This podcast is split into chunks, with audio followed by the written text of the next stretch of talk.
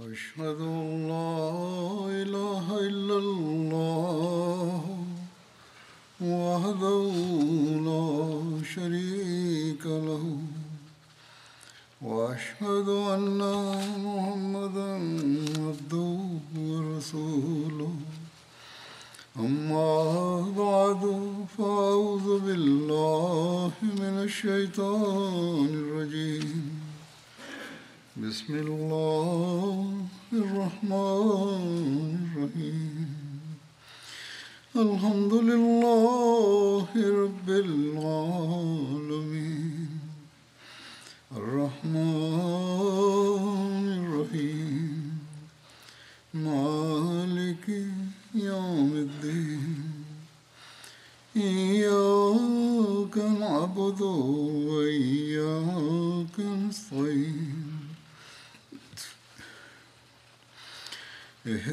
الصراط المستقيم. صراط الذين أنعمت عليهم. غير المغضوب عليهم ولا الضالين.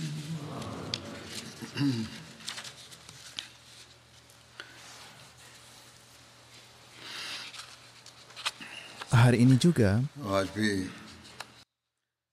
saya akan menguraikan beberapa rincian lebih lanjut mengenai Perang Uhud. Sebagaimana telah disebutkan,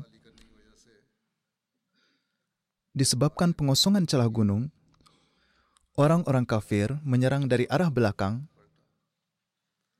dan membalikkan keadaan pertempuran. Serangan musuh sangatlah mengerikan. Berkenaan dengan bagaimana teladan keteguhan hati dan keberanian Rasulullah Shallallahu Alaihi Wasallam di keadaan seperti ini, rinciannya adalah sebagai berikut. Setelah keadaan pertempuran berbalik, ketika para sahabat tidak dapat mengendalikan diri dalam kekalutan dan mengalami kepanikan,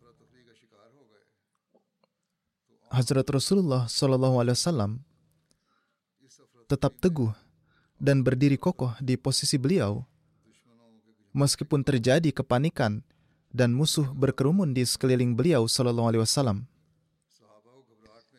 Melihat para sahabat berlarian dengan panik, Rasulullah Shallallahu Alaihi Wasallam berseru, memanggil mereka, wahai fulan, datanglah kepadaku, wahai fulan, datanglah kepadaku. Aku adalah Rasul Allah. Terdapat di dalam suatu riwayat, saat beliau dihujani anak panah dari segala arah, dengan suara lantang beliau berseru, Anan Nabiyyu la kazib, Ana ibni Abdul Muttalib, Ana Abdul Awatik. Aku adalah seorang nabi, tidak ada kedustaan dalam hal ini. Aku adalah putra Abdul Muttalib. Aku adalah putra Awatik, yakni putra para Atika. Secara umum, di dalam kitab-kitab hadis dan sirat, dinyatakan bahwa kata-kata tersebut diucapkan oleh beliau Shallallahu Alaihi Wasallam dalam perang Hunain. Namun bukanlah hal yang mustahil jika kata-kata ini pun beliau Shallallahu Alaihi Wasallam ucapkan pada kesempatan perang Uhud dan Hunain juga. Awatik adalah bentuk jamak dari Atika dan ada lebih dari satu wanita bernama Atika yang merupakan nenek moyang dari Hazrat Rasulullah Sallallahu Alaihi Wasallam. Salah satunya adalah Atikah binti Hilal yang merupakan ibu dari Abdi Manaf. Yang kedua adalah Atikah binti Marrah yang merupakan ibu dari Hashim bin Abdi Manaf. Dan yang ketiga adalah Atikah binti Aukas yang merupakan ibu dari Wahab, ayah dari Hazrat Aminah. Menurut suatu riwayat, ada sembilan wanita, di antaranya tiga dari Bani Salim dan enam dari yang lainnya, dan semuanya merupakan nenek moyang dari Hazrat Rasulullah Sallallahu Alaihi Wasallam. Dalam menjelaskan rincian peristiwa ini, Hazrat Mirza Bashir Ahmad radhiyallahu telah menulis dalam buku Sirat Khutamun Nabiyyin ketika kawan-kawan Hazrat Abdullah bin Jubair radhiyallahu an melihat bahwa kemenangan telah diraih, mereka berkata kepada pimpinan mereka, Hazrat Abdullah, kemenangan kini telah diraih dan umat Islam sedang mengumpulkan ganimah. Izinkanlah kami pergi bergabung bersama pasukan. Hazrat Abdullah mencegah mereka dan mengingatkan mereka mengenai perintah yang penuh penekanan dari Hazrat Rasulullah SAW. Namun mereka telah menjadi lalai disebabkan sukacita kemenangan. Oleh karena itu, orang-orang ini tidak berhenti dan tetap turun sambil mengatakan bahwa yang dimaksudkan oleh Rasulullah SAW hanyalah celah tersebut tidak boleh dibiarkan kosong sampai dirasa aman sepenuhnya. Dan sekarang kemenangan telah diraih. Oleh karena itu tidak ada masalah untuk meninggalkannya.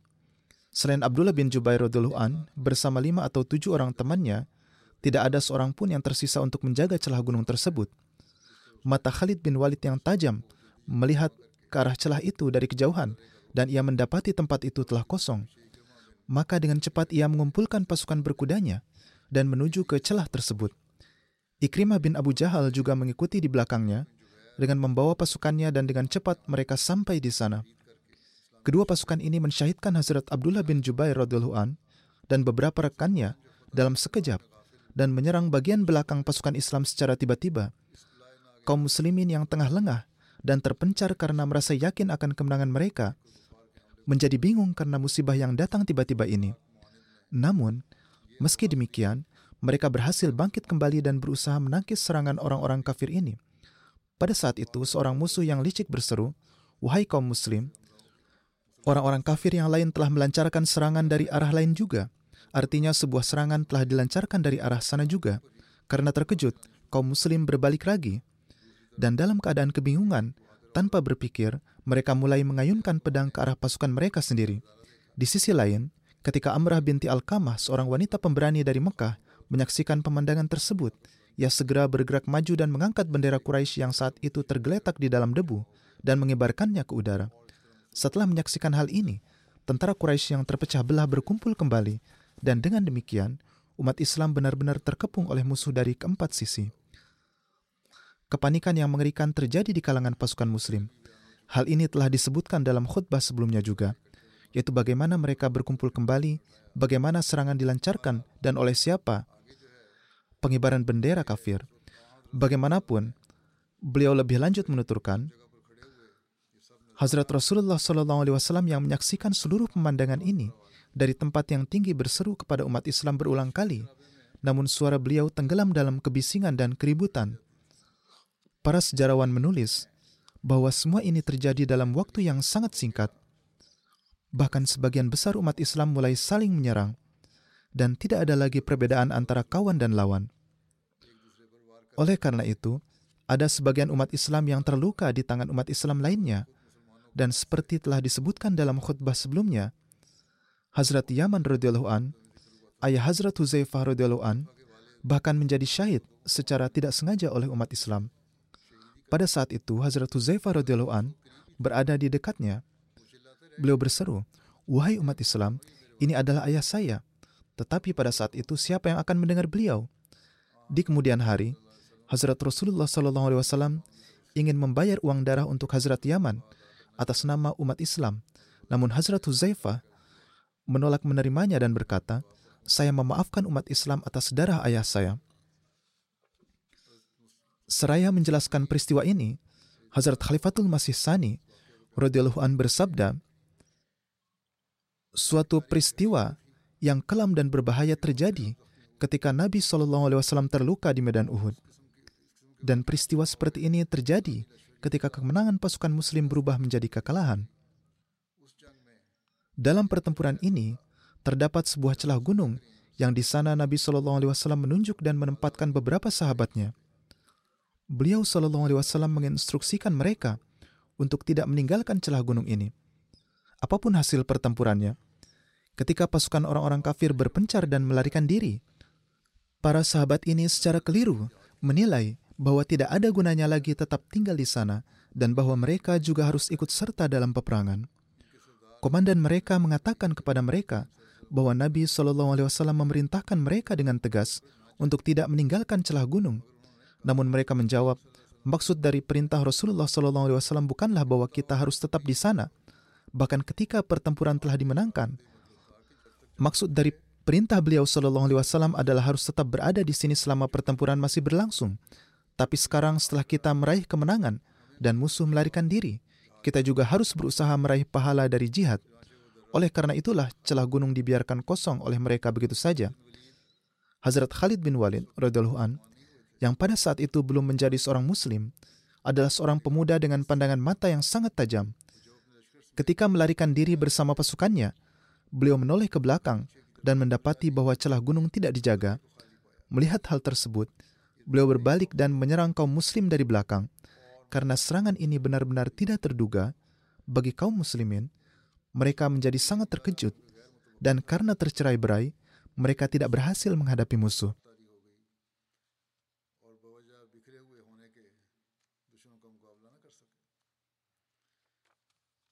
Ketika menyebutkan peristiwa ini dalam tafsir surat An-Nur ayat ke-64, Hazrat Khalifatul Masih Sani radhiyallahu an bersabda, maka hendaklah orang-orang yang melawan perintah Rasul ini merasa takut akan ditimpa suatu musibah dari Allah Ta'ala. Ini adalah terjemah dari ayat tersebut.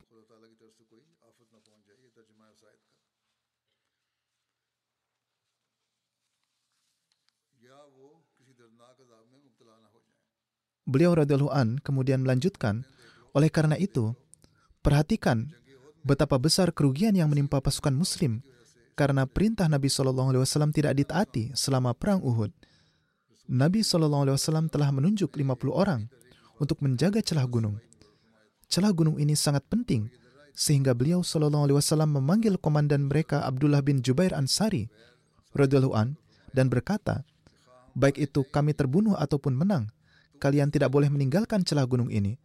Namun ketika orang-orang kafir dikalahkan dan kaum muslim mengejar mereka, para prajurit yang ditugaskan menjaga celah gunung berkata kepada komandan mereka, "Sekarang kita sudah menang.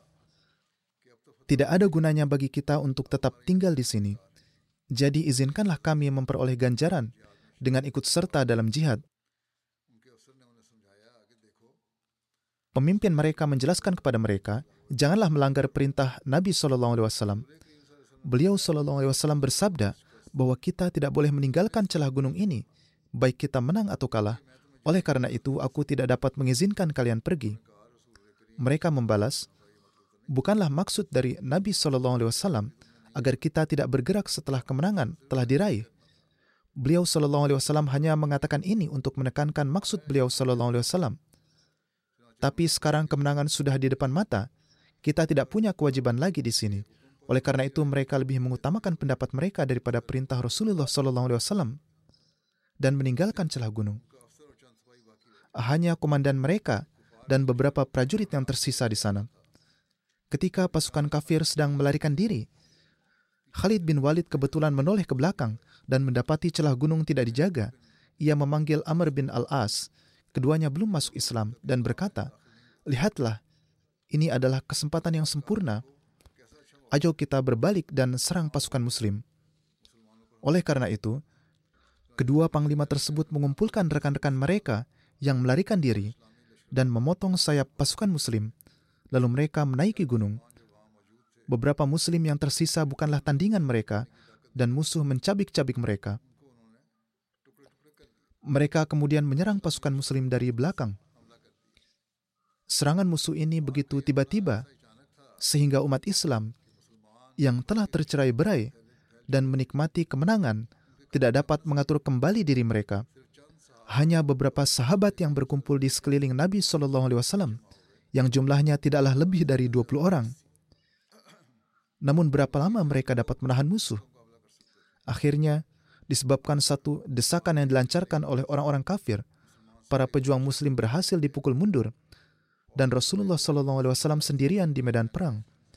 Dalam keadaan seperti ini, sebuah batu menghantam helm perang Nabi SAW yang menyebabkan salah satu bagian besinya tertancap di kepala beliau SAW. Hal ini menyebabkan beliau jatuh pingsan ke dalam parit. beberapa orang jahat telah menggali parit dan menutupnya untuk menimbulkan kerugian bagi umat Islam. Setelah itu beberapa sahabat lainnya syahid dan jenazah mereka jatuh menimpa tubuh beberkat Rasulullah Shallallahu Alaihi Wasallam. Kemudian menjadi tersebarlah isu bahwa Rasulullah Shallallahu Alaihi Wasallam telah syahid. Namun para sahabat yang terdorong mundur oleh serangan orang-orang kafir sekali lagi berkumpul di sekitar Rasulullah Sallallahu Alaihi Wasallam. Ketika orang-orang kafir bergerak mundur, mereka mengeluarkan beliau Sallallahu Alaihi Wasallam dari parit. Tak lama kemudian, beliau Sallallahu Alaihi Wasallam sadar kembali. Beliau mengirim orang ke keempat sisi medan perang untuk mengumpulkan pasukan Muslim. Beliau kemudian membawa mereka berkumpul di kaki gunung. Setelah meraih kemenangan atas orang-orang kafir, pasukan muslim menderita kekalahan sementara disebabkan beberapa orang tidak menaati perintah Rasulullah Shallallahu alaihi wasallam. Alih-alih bertindak berdasarkan petunjuk Nabi Shallallahu alaihi wasallam, mereka malah mengandalkan kesimpulan mereka sendiri. Andai saja mereka mengikuti perintah Rasulullah Shallallahu alaihi wasallam, seperti halnya denyut nadi mengikuti detak jantung. Seandainya mereka berpikir bahwa jika sekalipun seluruh dunia harus mengorbankan nyawanya sebagai akibat dari perintah Muhammad SAW, hal itu merupakan sesuatu yang tidak berarti. Seandainya mereka, berdasarkan penafsiran mereka sendiri, tidak meninggalkan celah pegunungan yang dengan tegas beliau Shallallahu Alaihi Wasallam perintahkan untuk tidak meninggalkannya. Terlepas dari apakah beliau menang atau kalah, maka musuh tidak akan mempunyai kesempatan untuk menyerang lagi dan Nabi Shallallahu Alaihi Wasallam dan para sahabat tidak akan harus menanggung kesulitan. Oleh karena itu, Allah Taala berfirman bahwa mereka menanggung kerugian akibat ketidaktaatan dan itulah akibat darinya.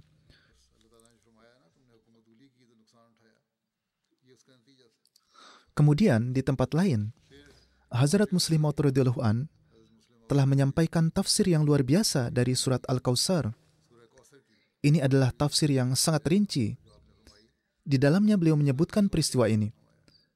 Beliau menulis, pada kesempatan Perang Uhud, pada awalnya Allah Ta'ala memberikan kemenangan kepada umat Islam dan orang-orang kafir melarikan diri. Khalid bin Walid dan Amr bin Al-As, dua jenderal Islam yang luar biasa yang ketika itu belum menerima Islam dan berperang di pihak orang-orang kafir. Rasulullah SAW menugaskan beberapa sahabat di celah gunung dan memerintahkan dengan tegas kepada mereka, "Janganlah beranjak dari tempat ini, terlepas dari apakah kami menang atau kalah, apakah kami masih hidup atau terbunuh. Kalian tidak boleh meninggalkan tempat ini." Umat Islam pada masa itu dan bahkan di masa sekarang ini memiliki semangat besar untuk berjihad. Ketika melihat pasukan Islam meraih kemenangan, di antara pasukan pemanah itu ada yang berdiri dan bertanya kepada pemimpinnya, Tolong beri kami juga izin untuk ikut serta berjihad di sana. Islam telah meraih kemenangan, dan kini tidak ada lagi bahaya yang tersisa. Pemimpin mereka menjawab, Rasul Karim Shallallahu Alaihi Wasallam telah memerintahkan kita bahwa meskipun kaum Muslim meraih kemenangan atau kekalahan, dalam keadaan mati atau hidup, kita jangan sekali-kali bergerak dari tempat ini. Oleh karena itu, kita harus tetap di sini. Mereka menjawab, apa yang dimaksud oleh Rasulullah SAW bukanlah saat beliau meraih kemenangan, maka kita pun tetap tidak berpindah dari tempat ini. Beliau hanya memerintahkan kita untuk berhati-hati saat menjaga tempat ini. Dan kini musuh telah melarikan diri, dan pasukan Islam telah meraih kemenangan. Jadi tidak apa-apa jika sekarang kita meninggalkan tempat ini sehingga kita sedikit banyak dapat ikut serta dalam jihad di medan Uhud. Pemimpin mereka lalu menjawab dengan penuh kebijaksanaan. Tatkala seorang pemimpin memberikan perintah, maka siapa yang ada di bawahnya tidak memiliki hak untuk memutarbalikannya dengan otaknya. Rasulullah Shallallahu Alaihi Wasallam telah bersabda kepada kita supaya jangan bergerak dari tempat ini, baik dalam keadaan menang ataupun kalah, baik telah terbunuh maupun hidup. Beliau menekankan untuk jangan sekali-kali meninggalkan tempat ini. Oleh karena itu, kita harus tetap berada di sini sesuai dengan petunjuk beliau. Akan tetapi mereka tidak menerima hal ini dan terus bersikeras dalam kesalahannya, dan bahkan berkata kepada pemimpinnya, Anda tetaplah di sini, kami akan pergi. Oleh karena itu, sebagian besar dari mereka pergi dan hanya tersisa pemimpin mereka dan beberapa sahabatnya. Tatkala pasukan kafir melarikan diri, Khalid bin Walid yang adalah seorang panglima yang sangat cerdas, di dalam Islam pun beliau telah memperlihatkan pengkhidmatan yang luar biasa. Dan saat masih kafir, beliau adalah seorang panglima yang sangat ulung. Jadi, tatkala ia bersama pasukannya mundur melarikan diri, pandangannya langsung tertuju pada tempat celah gunung yang kosong. Bersama Khalid ada Amr bin As. Ia berkata kepada Amr bin As, kita mendapatkan kesempatan yang sangat baik. Amr pun melihat ke arah itu dan keduanya lantas membalikan pasukannya. Khalid bin Walid memutar dari satu sisi dan menyerang melalui celah itu. Sementara itu Amr bin As datang menyerang dari sisi yang lainnya. Mereka lalu mensyahidkan beberapa sahabat yang tersisa di celah gunung itu dan langsung menyerang pasukan muslim dari belakang. Kaum muslimin yang menganggap bagian sisi celah gunung telah aman, mereka langsung tercerai berai. Barisan mereka terpecah dan terpaksa menghadapi musuh dengan kekuatan yang tersisa. Tatkala Khalid bin Walid dan Amr bin As langsung menyerang pasukan muslim di jantung pasukan, maka kaum muslim terpaksa membalas serangan pasukan yang besar itu secara tidak beraturan. Saat itu banyak orang muslim yang mati syahid dan terluka, kaum muslim yang tersisa tidak dapat lagi bertahan di posisinya sehingga musuh pun sampai di depan Rasulullah Shallallahu alaihi wasallam. Dan saat itu di sekitar beliau hanya ada tersisa 12 orang sahabat. Kedua pemimpin pasukan musuh itu yakni Khalid bin Walid dan Amr bin As menyampaikan kepada pemimpin pasukan musyrik lainnya supaya mereka balik menyerang. Oleh karena itu 3000 tentara mereka pun kembali. Musuh saat itu menghujani kaum muslim dengan batu dan anak panah lalu menyerang dengan ayunan pedang mereka, sehingga terjadilah kegaduhan dan kekacauan di segenap pasukan Islam. Dalam penyerangan ini, dua gigi Rasulullah SAW juga tanggal dan sebuah batu menghantam kepala beliau, sehingga ada bagian dari helm besi yang masuk melukai kepala beliau dan menyebabkan beliau terjatuh, tak sadarkan diri di suatu ceruk tanah. Para sahabat yang berdiri di dekat beliau dan mati syahid pun jatuh menimpa beliau sehingga tubuh suci beliau tertutupi dan tersebar kabar di kalangan kaum muslimin bahwa Rasulullah Wasallam telah disyahidkan. Saat itu, pasukan muslim yang sebelumnya telah tertatih-tatih semakin sedih dengan kabar yang kemudian terbukti salah ini. Namun hikmah dari Allah Ta'ala adalah bahwa tatkala orang-orang kafir menerima kabar bahwa Rasulullah Wasallam telah terbunuh, maka mereka tidak melanjutkan serangan mereka dan mereka memilih untuk segera kembali ke Mekah dan menyampaikan kabar gembira mereka ini kepada semua orang bahwa nauzubillah Rasulullah Shallallahu alaihi wasallam telah terbunuh.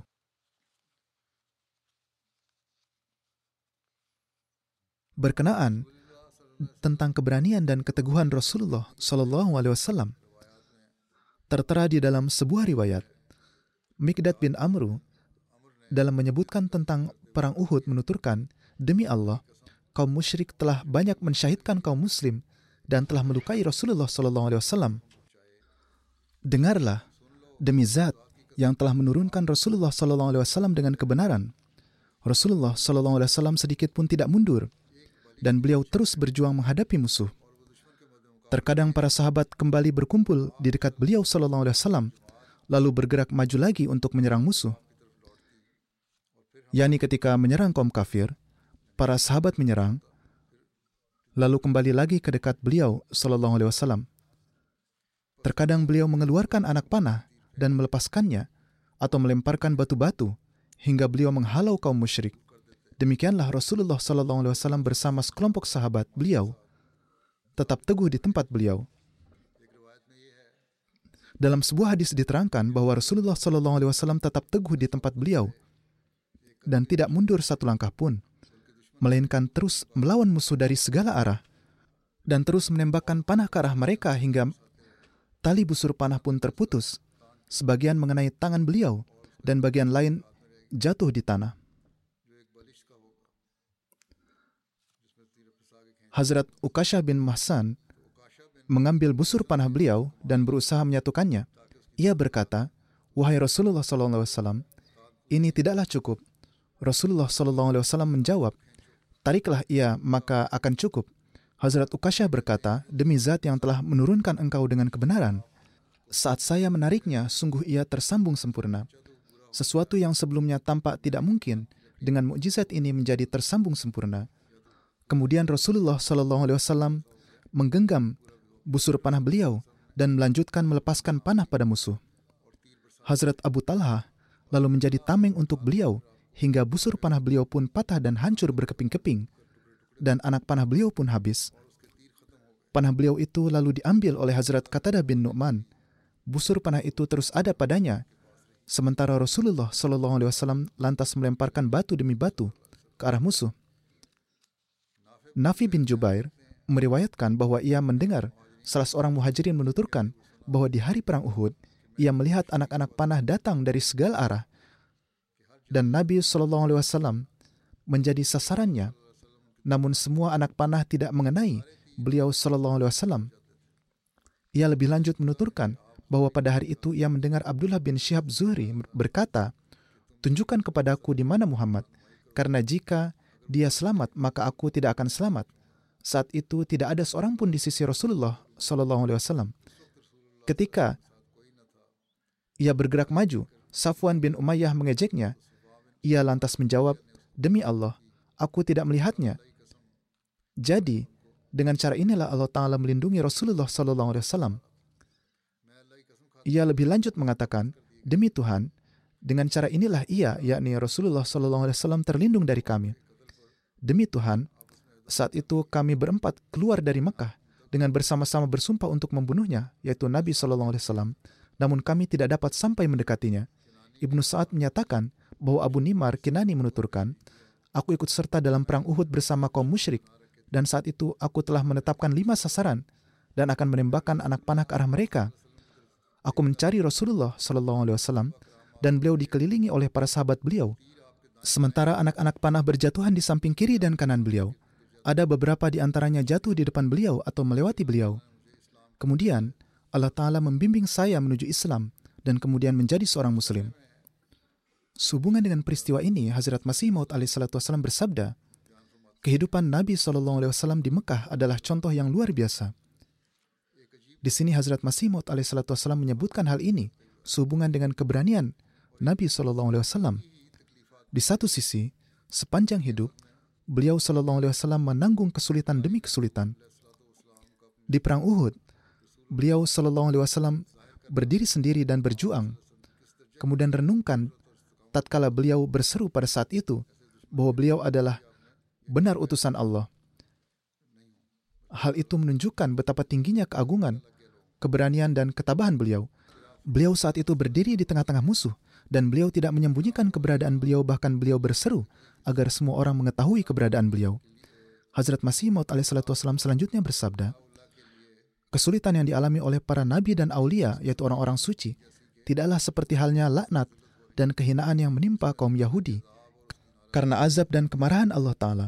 Sesungguhnya Allah Ta'ala ingin menegakkan suatu contoh keberanian dari para nabi. Allah Ta'ala tidaklah mempunyai rasa permusuhan terhadap Islam, tetapi renungkanlah bagaimana tatkala beliau Shallallahu Alaihi Wasallam ditinggalkan seorang diri di dalam perang Uhud. Hikmah tersembunyi di balik hal ini adalah agar keberanian Nabi Shallallahu Alaihi Wasallam dapat disahirkan. Rasulullah Shallallahu Alaihi Wasallam berdiri sendiri di tengah sepuluh ribu tentara dan mengumumkan bahwa beliau adalah Rasul Allah Taala. Tidak ada nabi lain yang mendapatkan karunia menunjukkan contoh seperti beliau Shallallahu Alaihi Wasallam. Di perang Uhud ini, jumlah pasukan beliau adalah 3.000 orang. Karena ini adalah kutipan beliau yang saat itu ditulis oleh seorang penulis dalam sebuah surat kabar, mungkin saja maksud Hazrat Masih Maud alaihissalam adalah menyebut dua peperangan. Dalam perang Ahzab, orang-orang kafir berjumlah 10.000 orang, dan dalam peperangan lainnya jumlah musuh pun sangat banyak. Bagaimanapun, hal utama yang ditekankan oleh Hazrat Masih Maud alaihissalam adalah contoh keberanian beliau sallallahu alaihi di hadapan orang-orang kafir tatkala beliau berdiri sendiri menghadapi mereka di sana. Tidak ada nabi lain yang mendapatkan kesempatan menunjukkan contoh seperti ini. Kemudian beliau, Hazrat Masih Maud alaihissalam bersabda, Allah Ta'ala adalah maha kuasa, dia memberikan kekuatan kepada siapa pun yang dia kehendaki. Alhasil kemampuannya untuk menyaksikan keberadaan Tuhan ini digantikan oleh Tuhan dengan karunia, bercakap-cakap dengannya. Karena percakapan ilahiyah inilah, para nabi rela menyerahkan nyawa mereka di hadapannya. Bisakah seseorang yang kecintaannya dangkal melakukan hal seperti ini? Karena percakapan ilahiyah ini, tidak ada nabi yang kemudian mundur dari medan ini, dan tidak ada yang menunjukkan ketidaksetiaan. Artinya, ketika nabi mengaku sebagai utusan Tuhan, ia tetap teguh terhadap pengakuannya itu, banyak orang yang memberikan penafsiran terhadap peristiwa Perang Uhud.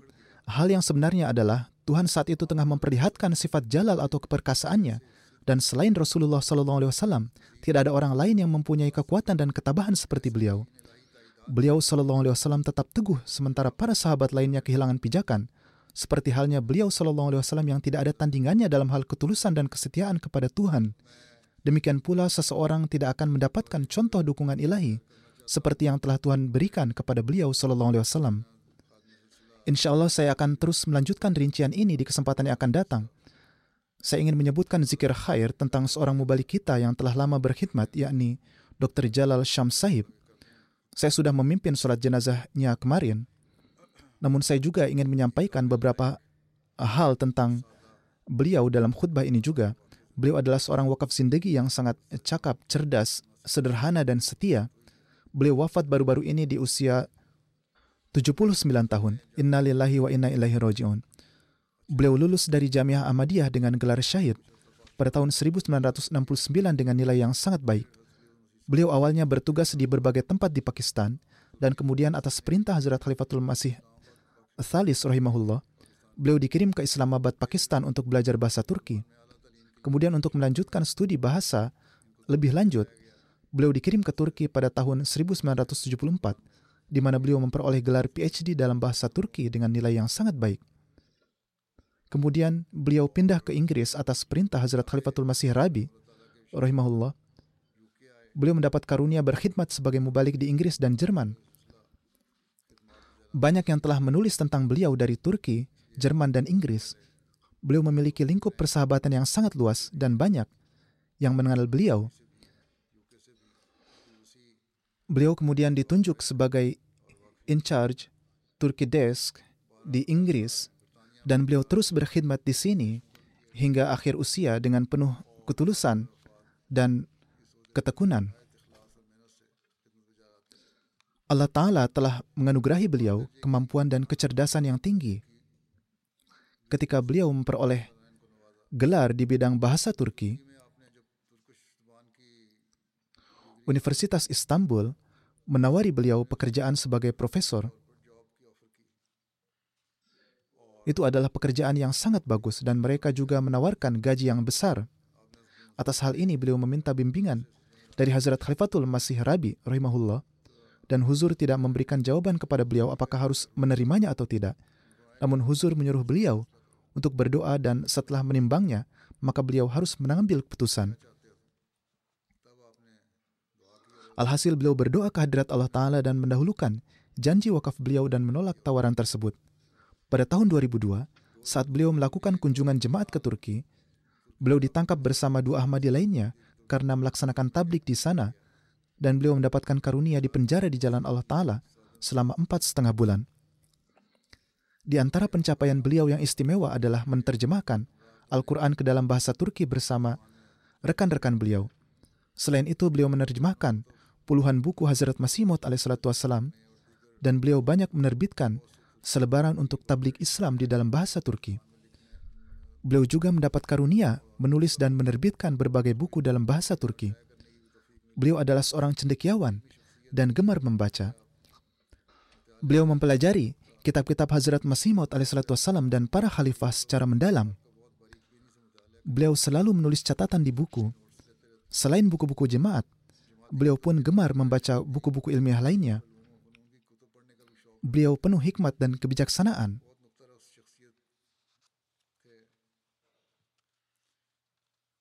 dan selama berdiskusi ilmiah dengan para sahabat beliau, beliau berbicara dengan sangat mendalam.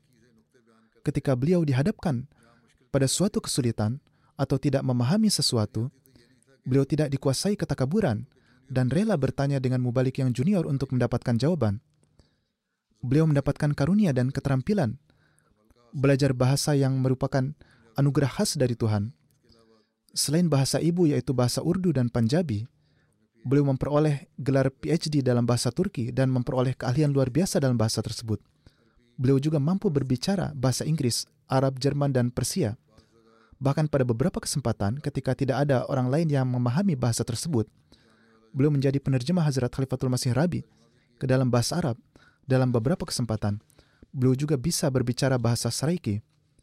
Dulu beliau senantiasa menerjemahkan khutbah Jumat, bukan terjemah langsung, melainkan menerjemahkannya segera setelah khutbah.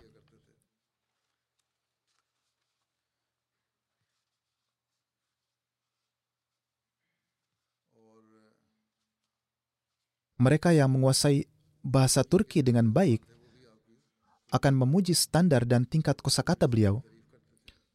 Beliau juga sangat terampil dalam berbicara di depan umum dan menulis. Alhasil beliau memiliki banyak istimewaan yang luar biasa. Beliau memenuhi hak-hak Allah di samping hak-hak hambanya dengan standar yang tinggi. Apakah seseorang mempunyai hubungan kekerabatan atau tidak? Beliau memperlakukan semua orang dengan cinta dan banyak orang telah menulis surat kepada saya mengenai hal ini. Beliau sangat peka dan mudah bergaul. Jika bertemu orang lain, beliau akan meninggalkan kesan mendalam pada mereka. Beliau memiliki iman dan kepercayaan penuh kepada Allah. Beliau diam-diam membantu orang miskin dan mereka yang membutuhkan. Beliau mempunyai rasa cinta yang mendalam terhadap khilafat. Beliau kerap melihat mimpi yang benar dan ru'ya. Beliau adalah sosok yang banyak berzikir ilahi. Semoga Allah Ta'ala meninggikan derajat beliau.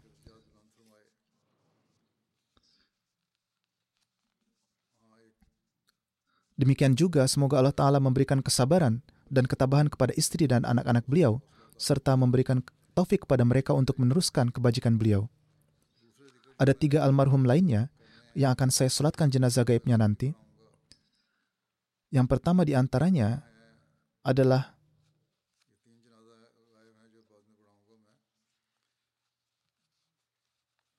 Muhammad Ibrahim Bahambri Sahib. Beliau meninggal dunia beberapa hari yang lalu pada usia 106 tahun. Inna lillahi wa inna ilaihi roji'un.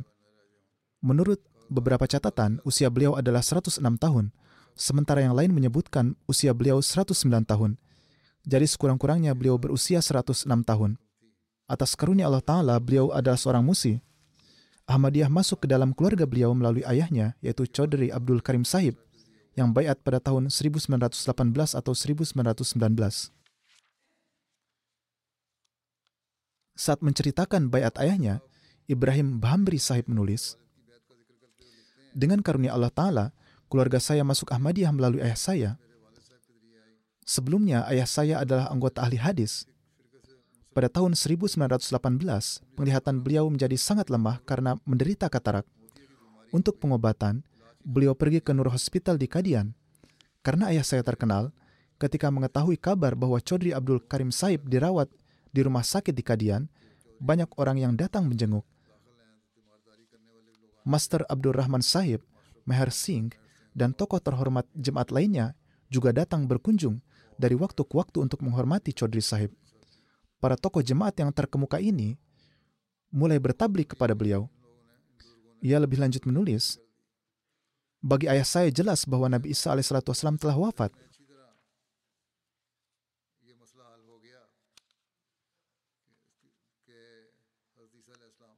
Hati beliau telah menerima bahwa Nabi Isa alaihissalam tidak hidup dan pada kenyataannya telah meninggal dunia. Oleh karena itu, hati beliau menerima bahwa Hazrat Masih Maud alaihissalam adalah sosok yang benar karena tatkala Nabi Isa alaihissalam telah wafat dan kedatangan Hazrat Masih Maud alaihissalam merupakan hal yang dibutuhkan saat ini. Inilah masa kedatangan Hazrat Masih. Jika beliau tidak datang, lalu kapan lagi beliau akan muncul? Beliau bayat di Kadian saat masih sakit. Ketika beliau kembali ke desanya, masyarakat yang mengetahui bahwa beliau telah menerima Ahmadiyah datang menemui beliau untuk menyampaikan penyesalan mereka.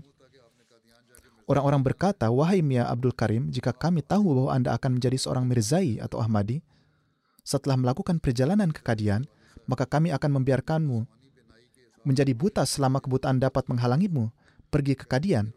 Ayahnya menjawab dengan mengatakan, indera penglihatan saya menjadi tajam dan demikian pula dengan penglihatan rohani saya. Beliau juga mengatakan, penglihatan rohani lebih penting daripada penglihatan jasmani.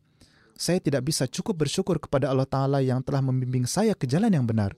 Saya dapat bersaksi dengan meyakinkan bahwa Hazrat Masih Maud alaihissalam adalah benar. Alhasil ada banyak kebencian di hati penduduk desa beliau terhadap Hazrat Masih Maud alaihissalam.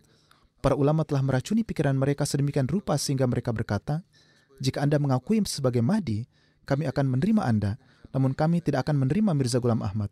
Atas hal ini ayah beliau kerap berkata, kalau begitu lihatlah kenyataan bahwa saya telah menerima beliau dan memang seharusnya demikian. Dan inilah tanda kebenaran beliau alaihissalatu wassalam. Jadi Anda juga harus menerimanya.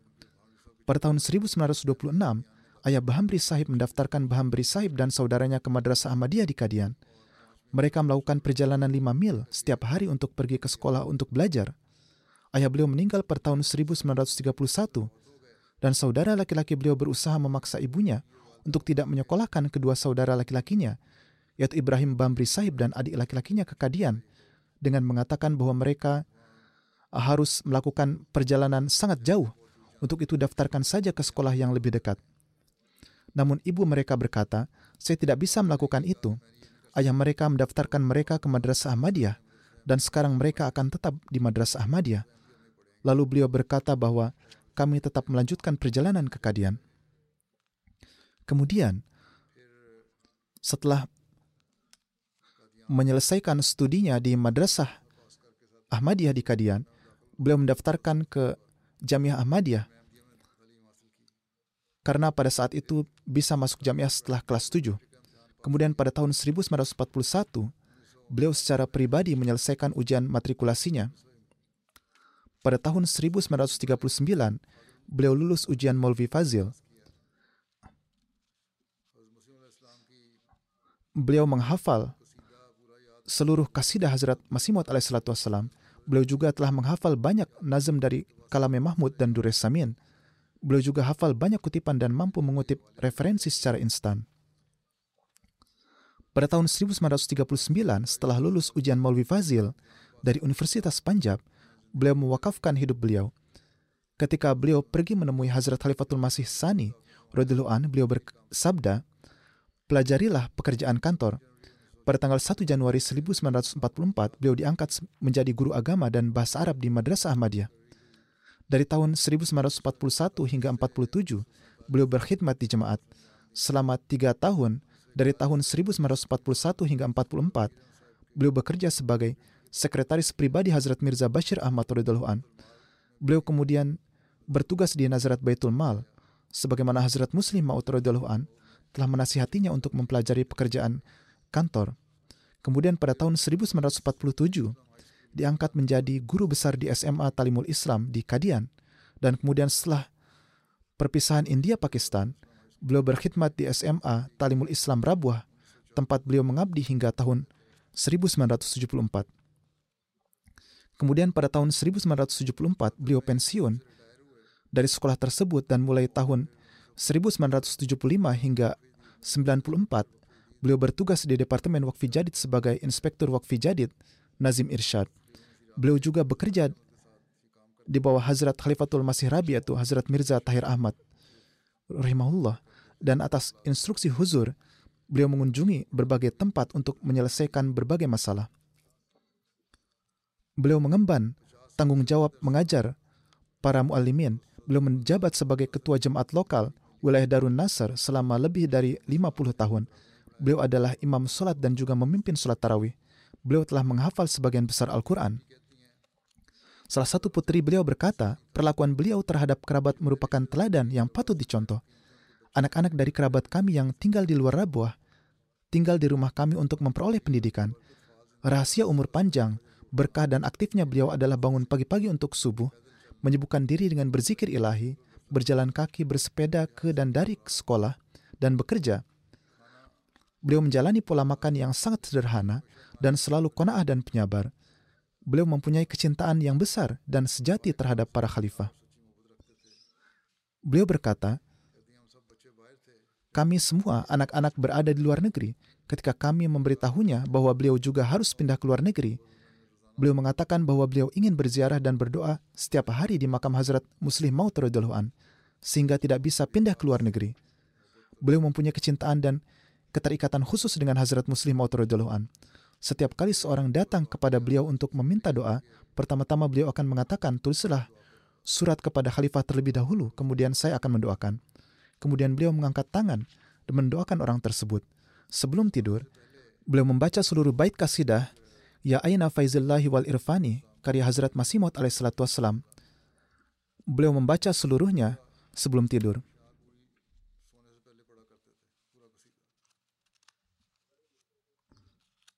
Kemudian menulis, ayah saya sering mengingat mimpi yang dilihat oleh ayahnya, yakni kakek dari putrinya Kakeknya bercerita, Ibrahim sedang memanjat pohon kurma dan saya khawatir dia akan terjatuh.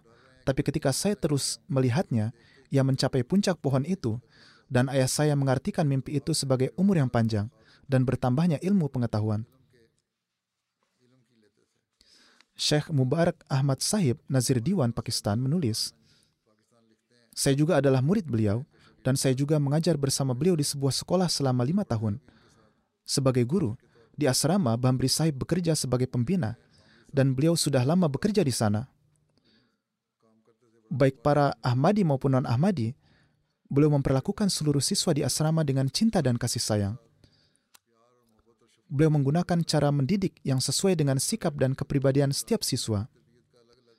Para siswa juga cepat terikat pada beliau dan memperlakukan beliau dengan rasa hormat dan martabat yang sama seperti mereka memperlakukan ayah mereka.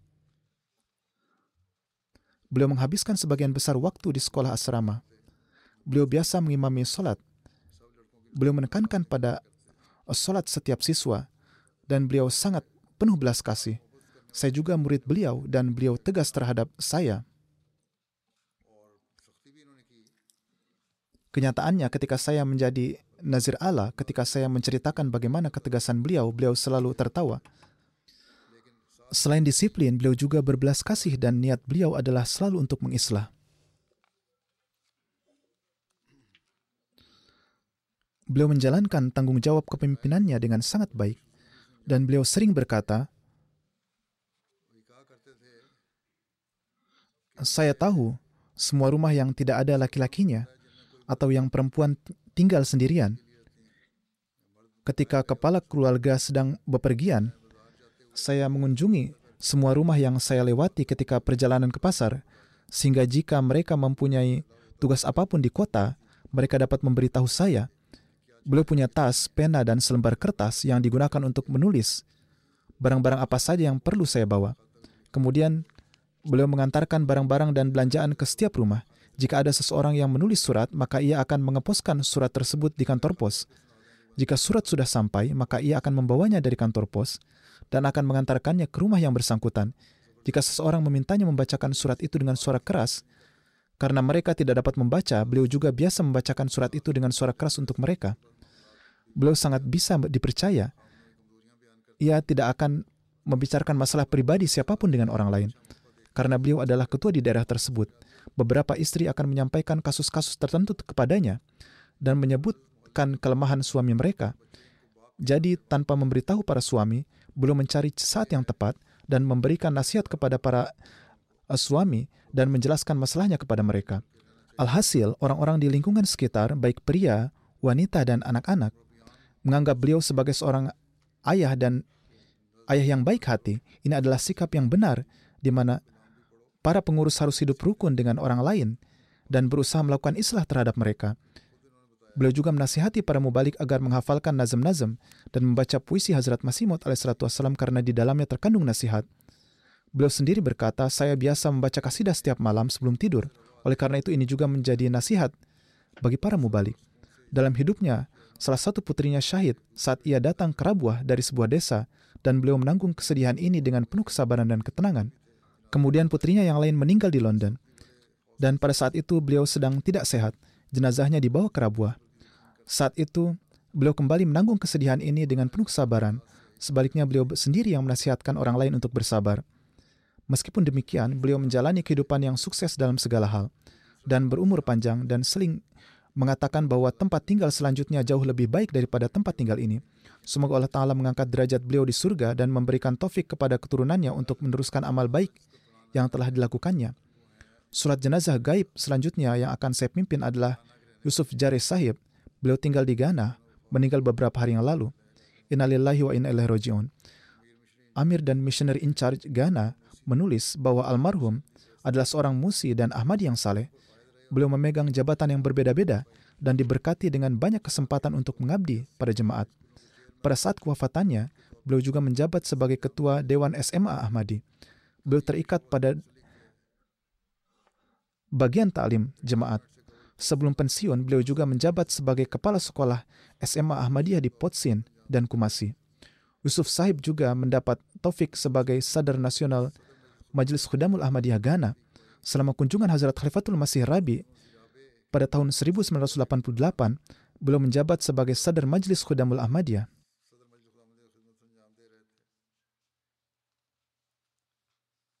Beliau bertugas lama di bagian keamanan. Beliau mempunyai ikatan yang kuat dengan bagian taklim dan selalu berupaya untuk meningkatkan pendidikan generasi muda Ahmadi. Salah satu cucunya adalah seorang mubalik yang saat ini sedang berkhidmat di jemaat. Semoga Allah Ta'ala melimpahkan rahmat dan ampunan kepada beliau. Jenazah selanjutnya adalah Al-Haj Usman bin Adam Saib dari Ghana. Beliau juga meninggal dunia baru-baru ini pada usia 81 tahun. Innalillahi wa inna ilahi roji'un. Mengenai beliau, Amir dan Missionary in Charge Ghana menulis, beliau adalah seorang musi dan merupakan seorang Ahmadi yang sangat mukhlis. Beliau teratur dalam dan dawam dalam sholat lima waktu dan teratur dalam membayar canda. Beliau melakukan lebih dari yang diharapkan ketika ikut serta dalam kegiatan jemaat, beliau benar-benar mengabdi pada khilafat dan berusaha untuk menanamkan semangat yang sama pada anak-anak beliau. Beliau sangat fokus pada pengetahuan agama. Anak-anak beliau, beliau juga berperan besar dalam penerjemahan Al-Quran ke dalam bahasa Fanti. Beliau menerjemahkan Al-Quran ke dalam bahasa Fanti dan memainkan peran besar dalam hal ini. Istri beliau mengatakan bahwa almarhum mempunyai sifat penyabar dan sangat penyayang pada tahun 2012, dengan karunia Allah Ta'ala beliau berkesempatan menunaikan ibadah haji. Beliau mengajari banyak anggota jemaat cara membaca Al-Quran. Semoga Allah Ta'ala melimpahkan ampunan dan rahmatnya kepada beliau, serta memberikan taufik kepada anak cucu beliau untuk meneruskan amal saleh beliau.